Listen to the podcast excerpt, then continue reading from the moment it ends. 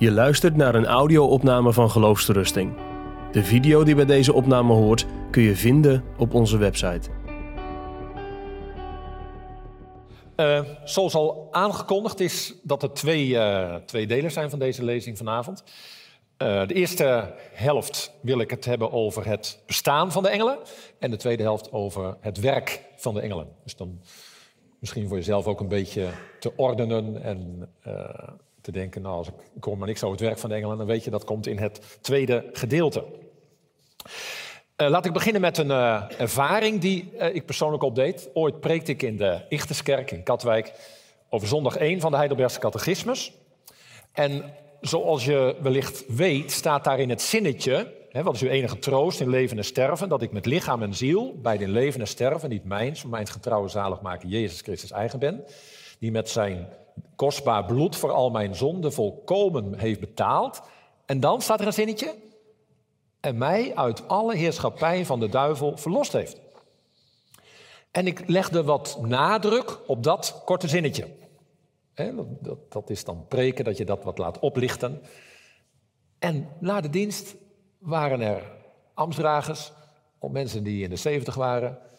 En die die waren echt verbaasd. Die zeiden, staat dat in de Heidelbergse catechismus? Hebben wij eigenlijk nooit zo gelezen.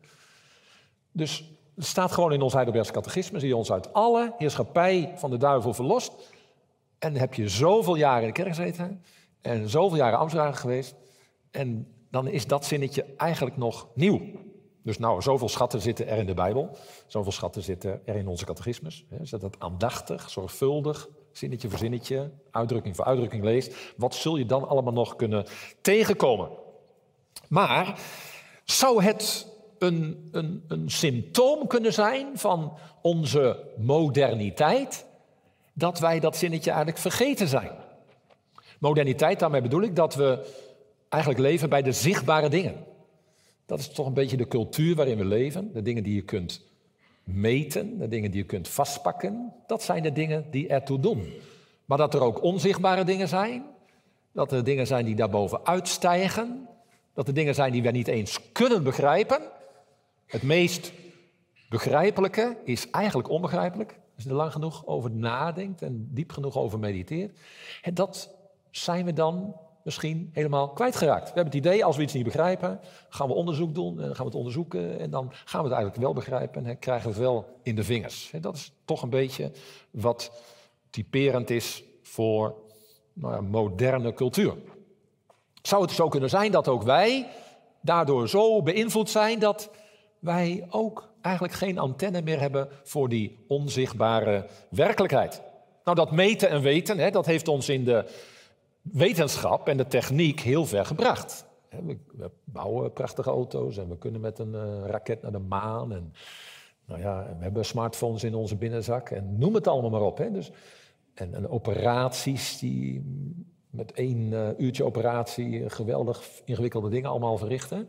Maar het zou ook kunnen zijn, en dat is voor mij eigenlijk geen gevraagd, maar eigenlijk een bewering, van dat we daardoor ook een stuk geheimenis, een stuk diepte uit het leven zijn kwijtgeraakt. Dat we heel erg oppervlakkig zijn geworden. En daar is dus dat gemis aan het besef van de engelen ook een onderdeel van. Dat brengt dat tot uitdrukking. Uh, op dat seminarie waar Marcel het net over had, mag ik het vak dogmatiek geven. En er zijn natuurlijk heel rijen mensen die allemaal dogmatische werk hebben geschreven. En dan valt het op dat in de laatste eeuw, in al die dogmatische werken, de engelen er heel bekaaid afkomen. Ik heb een keer een publieke discussie gehad op een studentenvereniging, een theologische studentenvereniging, met een collega-theoloog. En die zei, ja joh, wat jij zegt over de duivel en over engelen, dat is allemaal onzin. De, je moet niet geloven dat er persoonlijkheden zijn in de lucht, hè, die om ons heen zijn. Maar het woord engel en het woord duivel, dat is gewoon een, een ja, soort beeldspraak voor, uh, ja, voor machten die er zijn. En voor krachten die in onze omgeving spelen en waar je zelf deel, uh, die, die zelf invloed op jou uitoefenen. Het is net zoiets als, uh, als men vroeger sprak over kabouters of over Sinterklaas of over heksen. Een mythische taal. En zo wordt er in de Bijbel, in het wereldbeeld van de Bijbel, van de Bijbelschrijvers, wordt er gesproken over heksen, of over engelen. Uh, dus dat, daar moet je niet een realiteitsgehalte aan toekennen. Geloof je nou echt dat er een wezen is dat zo verdorven is en zo slecht is als de duivel? De, de engelen, ook de gevallen engelen, zijn toch allemaal door God geschapen. Kan een schepsel van God zo slecht, gemeen, goddeloos zijn als de duivel in de Bijbel wordt getypeerd? En, en moet je wel rekenen met dingen die, ja, die je niet kunt zien, hè, die je niet kunt beetpakken? Dat was een publieke vraag van deze collega aan mij. Nou, dat, dat vind je dan terug in allerlei moderne dogmatieken. Ook zelfs in gereformeerde dogmatieken. Uh, onlangs, of een jaartje geleden of zo, nou, volgens mij minder dan een jaar geleden, is die hele oude uh, gereformeerde theoloog Wenzel overleden. Nou, dat is een man waar je veel respect voor kunt hebben. Die heeft wel, wel zo'n rij dogmatische werken geschreven. Maar een hoofdstuk over de engelen ontbrak daarin. Ga je daarentegen bijvoorbeeld een instituutje lezen van Calvijn of, of andere boeken van Calvijn, dan merk je, de engelen zijn voor hem levende realiteit. Niet alleen als de Bijbeltekst erover spreekt, niet alleen als je erover zingt in Psalm 91, maar ook als er letterlijk van engelen geen sprake is in die Bijbeltekst. Maar die, die, die engelen horen zo bij Calvijn zijn wereldbeeld, dat als hij het over God heeft, dan denkt hij gelijk aan de engelen. En als hij het over Christus heeft, denkt hij gelijk aan de engelen. Hij zegt, wij leven voor het aangezicht van God en de heilige engelen. Dus als je, ik heb dat, uh, dat kun je natuurlijk digitaal heel makkelijk uitzoeken tegenwoordig. Als je de hits opzoekt waar Calvijn spreekt over engelen, kom je op 4000 hits in zijn werken, waar hij allemaal het woord engel expliciet gebruikt. Een mooie gedachte bij Calvijn is ook dat Christus is ook het hoofd van de engelen, zoals hij het hoofd is van alle gelovigen. Dus dat betekent dat die engelen eigenlijk heel dicht bij de kinderen van God staan. Ze zijn de broeders en zusters van de gelovigen. En moet je voorstellen dat Calvijn dat zij in een tijd, in, Genève had je de libertijnen, die ontkenden ook dat engelen persoonlijke uh, persoonlijkheden waren. die zeiden de engelen, dat zijn eigenlijk meer de menselijke gedachten en krachten, psychologische krachten, zeg maar. Uh, dus, dus Calvijn die wist waarover het had. Die was niet alleen maar wat uh, naïef, maar heel bewust sprak hij over de engelen. Hij brak trouwens wel met de middeleeuwse speculaties. En dat maar een heleboel eh, speculatieve gedachten uh, over, over engelen. En Calvijn die zegt dan van ja, dat is allemaal uh, brabbelarij. Hè, daar moet je het niet van hebben. Maar dat wil niet zeggen dat hij de engelen ontkende. Hij ontkende die, die speculatieve ideeën, maar het bestaan van de engelen, de realiteit van de engelen, die was er. Net zoals jullie voor mij nu realiteit zijn. Ik zie jullie, ik reken met jullie. Zo uh, rekende Calvijn met de heilige engelen. Je kunt het bij Augustinus ook lezen. Als, hij, uh, als het gaat over de vraag van de naaste liefde, zegt hij: wie moet je naaste, je moet je naaste lief hebben als jezelf? En wie zijn dan je naasten? Vallen daar ook de engelen onder?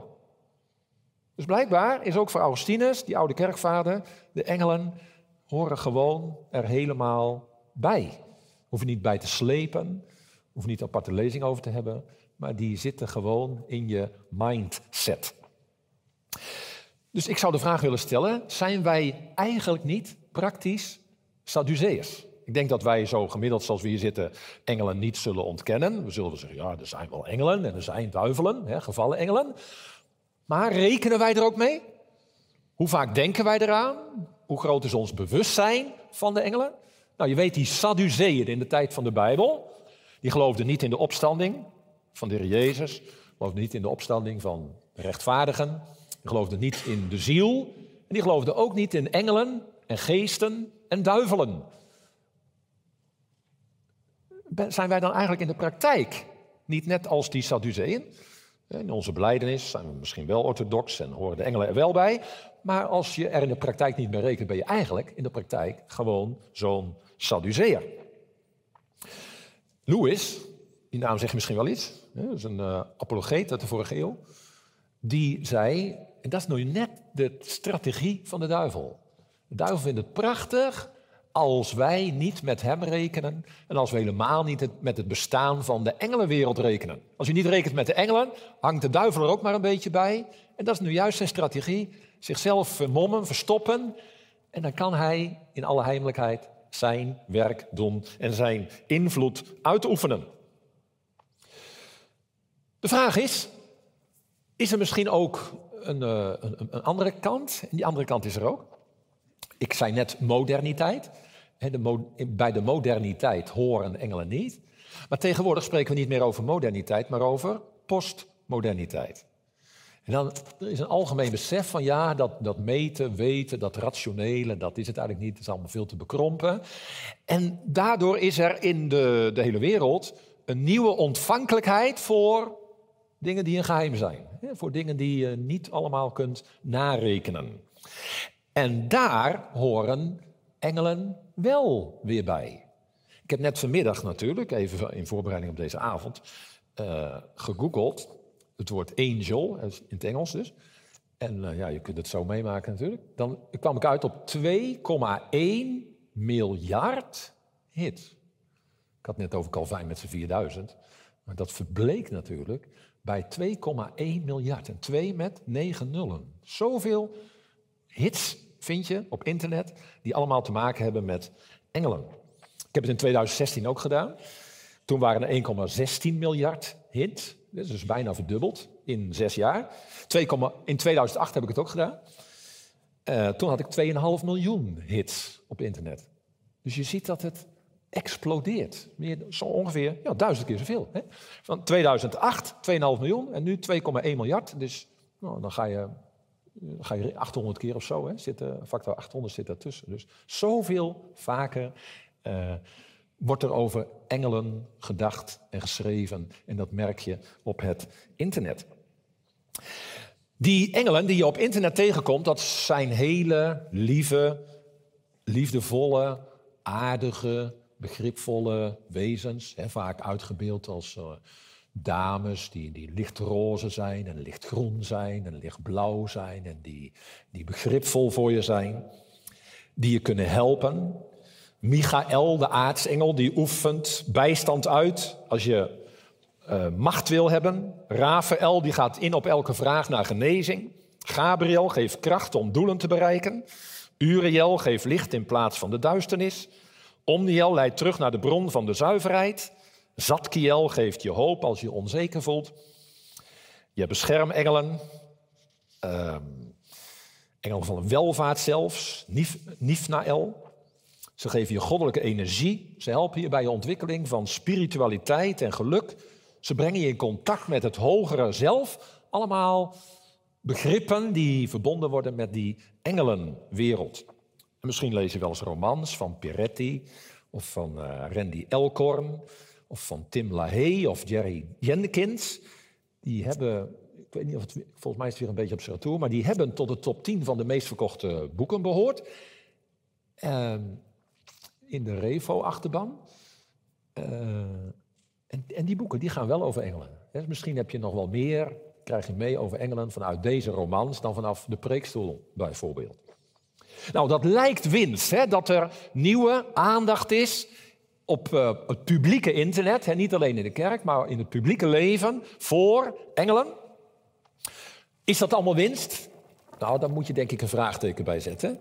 Ook in de vroege kerk, hè, tijd van Augustinus en zo, uh, had men meer last van al die, ja, die bijgelovigheid dan van de pure heiden die zich verzetten tegen het christelijke geloof. Dus die spiritualiteit, die, die, die, die speculatieve gedachten over hogere werkelijkheden, eh, die niet geopenbaard zijn in de Bijbel, dat is wellicht nog een grotere hinderpaal voor het christelijke geloof dan mensen die er radicaal mee afrekenen. Het is heel religieus, maar in de wortel anti-christelijk. Alles wat los is van Jezus, hè, heeft dat waarde, heeft dat betekenis? Ken je die tekst niet uit 1 Korinthe 13? Al was het dat ik de taal van de engelen sprak en had de liefde voor God en voor Jezus niet, wat zou het mij voor nuttigheid geven? Wat zou het mij baten? De vraag is niet wat denk je van de engelen? Dat is ook niet de reden om vanavond deze avond te hebben. Maar wat denkt u van de Christus? Die dan ook het hoofd is van de engelen. Maar dat kun je niet losmaken van de Heer Jezus Christus. Ehm, en dat brengt ons bij de vraag, ja, als in de moderniteit die engelen verdwenen zijn, als in de postmoderniteit er allerlei vage beelden van engelen terugkomen en dat super populair is, wat is nou eigenlijk de Bijbelse engel? Als je nou aan kinderen vraagt, hè, die zullen zeggen van engeltjes die zingen en op het orgel in de kerk staan van die mollige baby's. Wat zijn dat toch lieve onschuldige wezens? Op internet die meisjes in bruidsachtige uitrustingen en zo. Is dat het beeld wat de Bijbel ons van engelen geeft? Nou, als ik de vraag opwerp, dan is dat al een half antwoord natuurlijk. Het antwoord moet gewoon nee zijn. De engelen in de Bijbel zijn soldaten, zijn krachtige helden, zijn strijders. Psalm 89. God is op het hoogst geducht in de raad van zijn heiligen. En vreselijk boven het Heer, het Heerleger, Heerleger van engelen, dat om zijn rijkstroon staat. Psalm 68, vers 9. Gods wagens boven het luchtigswerk zijn tien en tienmaal duizend sterk verdubbeld in getalen. Bij hen is zijn majesteit en Sinaï in heiligheid omringd van bliksemstralen. Dus dan voel je iets van de majesteit hè, en, en de heerlijkheid die daarin zit. Die zou uitstralen van God. Uh, herinner je de geschiedenis niet van Elisa met zijn knecht in Dothan? En zijn knecht is vuurbang. En Elisa bidt, hier, wilt u hem de ogen openen? En dan ziet hij een leger van vurige wagens en paarden rondom de stad, die erop uit zijn gezonden om Elisa en zijn knecht te beschermen tegen de vijanden. Hoe sterk is één engel als die het volk Israël uit Egypte leidt en al die eerstgeborenen dood? Hoe sterk is één engel in de tijd van Ischia als die 185.000 Assyriërs in één nacht door die ene engel worden gedood? Zo majestueus is één engel. In de scheppingspsalm 104 kom je ze ook tegen. Hè? God maakt zijn engelengeesten, zijn dienaars, tot een vlammend vuur. Het zijn ontzagwekkende krachten. Je komt ze in openbaringen tegen. Ze werpen vuur op de aarde zoals op Sodom. En Sodom wordt omgekeerd. Het bestaat niet meer. Dus dat gebeurt er als engelen actief optreden. In de Bijbel kom je verschillende categorieën van engelen tegen. Je komt de cherubim tegen, dat zijn de krachtigste onder de engelen. Zij bewaken bijvoorbeeld de Hof van Eden. Er zijn heilige plaatsen waar mensen niet mogen komen. Is een scheidslijn tussen God en mens. Ze bedekken het verzoendeksel. Komt ze tegen in Ezekiel. Als Ezekiel een gezicht heeft op de troon van God, wordt gedragen door de gerubs. Met vier gezichten, vier handen, vier vleugels, symbool van het allesomvattende, de vier windstreken. Met een menselijk gezicht, het gezicht als een leeuw, de kracht van een rund of een stier en de snelheid van een adelaar. Beweging als bliksem. En als ze dan in beweging komen, wat hoor je dan? Dan is het alsof er een aardbeving zich voltrekt. Nou, we weten dat heel recent wat dat betekent. Zo een geweldige, indrukwekkende, majesteitelijke kracht. Het geluid als van vele wateren. Heb je wel eens bij Niagara-watervallen gestaan of zo? Of bij de Victoria-watervallen? Dan, dan dat machtige, overweldigende gedruis. Dat zijn dingen die dan opgeroepen worden bij Ezekiel als die met die heilige engelen in aanraking komt. Hij valt dan ook op zijn aangezicht. Serafs zijn ook een categorie van engelen. Je komt ze tegen rondom de troon in dat gezicht van Jezaja. Zij vervullen de tempel. Zij bedekken hun gezicht met hun vleugels en ze roepen uit: Heilig, heilig, heilig is de Heer. Wat is de toepassing daarvan? Nou, het zijn schepselen. Het zijn, uh, ze zijn niet God, ze zijn schapen door God. Zijn schepselen. De eerste dag schiep God de hemel en de aarde. En ik denk dat je bij hemel dan ook die hemelbewoners mag insluiten. Ze zijn door God geschapen, maar ze hebben buitengewone kracht en buitengewone glorie. En een ontmoeting met een engel is indrukwekkender dan een aardbeving. die vrouw van Manoach, toen de geboorte van Simson werd aangekondigd, ze beefde over al haar leden toen een engel haar die boodschap kwam brengen. En het eerste woord van die engel was dan ook, vrees niet. En dat zie je elke keer terug. Als er een engel komt bij Gideon om hem te roepen, als er een engel komt bij Zacharias in de tempel, als de herders in de velden van Efrata die boodschappen ontvangen. De heerlijkheid van de Heer omstraalde hen en zij vreesden met grote vrees. Daarom zei Luther, de glorie van een engel is zo overweldigend dat hij de glorie van God weerkaat, dat ik eigenlijk hoop nooit een engel te ontmoeten. En zou dat niet ontbreken in heel veel nou, die van die engelen die je op internet tegenkomt, hè, waar het allemaal van die lieve, aardige, softe wezentjes zijn, die over een hogere werkelijkheid spreken. als je dan die Bijbelse engelen tegenkomt, dat zijn, ja, dat zijn krachtige helden, vol van heerlijkheid en vol van heiligheid. En als die engelen al zo heilig zijn, die slechts, tussen aanhalingstekens, de glorie van God weerkaatsen is dat voor ons niet een hulpmiddel om ons te realiseren hoe heilig God dan is? Als die heilige serafs God niet kunnen zien en in leven blijven, wie kan God zien en leven? Als zelfs voor een heilige engel dat geldt, heilige engelen die nooit zonde hebben gedaan, wat zijn wij dan oppervlakkig hè, als je over God denkt? Hoe naderen wij tot God? Daarom wordt u heren met beving, recht, kinderlijk gevreesd. Als we bij het zien van een lakij van God, zo mag je die engelen wel typeren, als je dan al overweldigd wordt door die glorie en majesteit, hoe groot en heerlijk moet dan de koning van alle koningen niet zijn?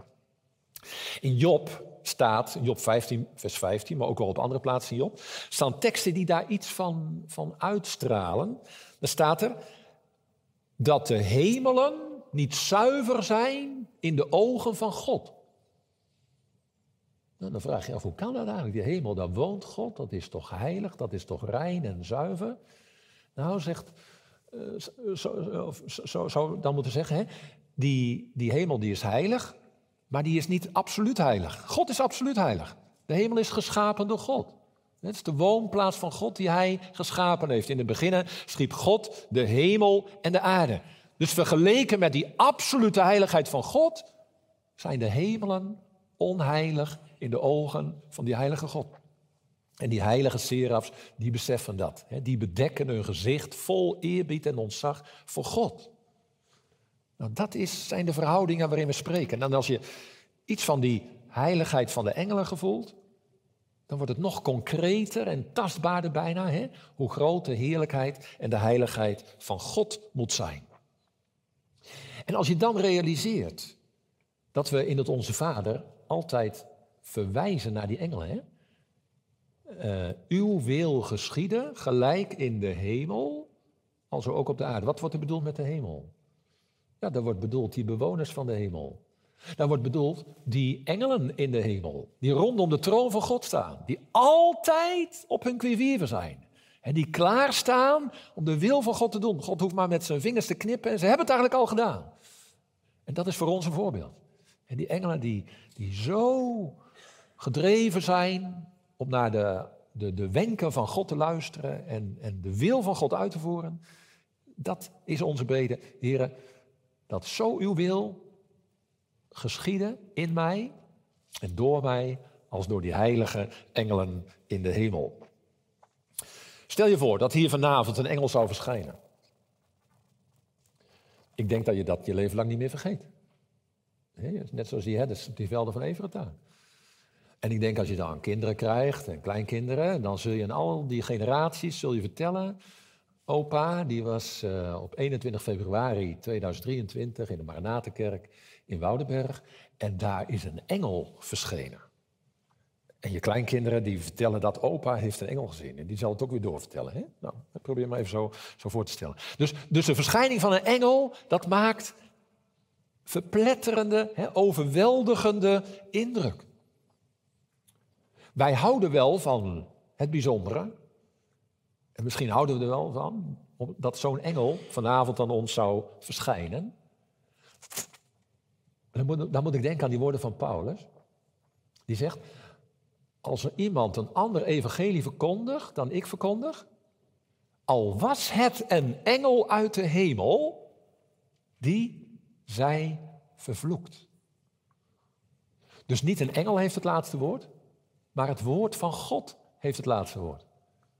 En dat spreken van God in de Bijbel is nog bijzonderder, nog gewichtiger, nog meer waarheid, mag nog meer indruk op ons maken dan de verschijning van een engel.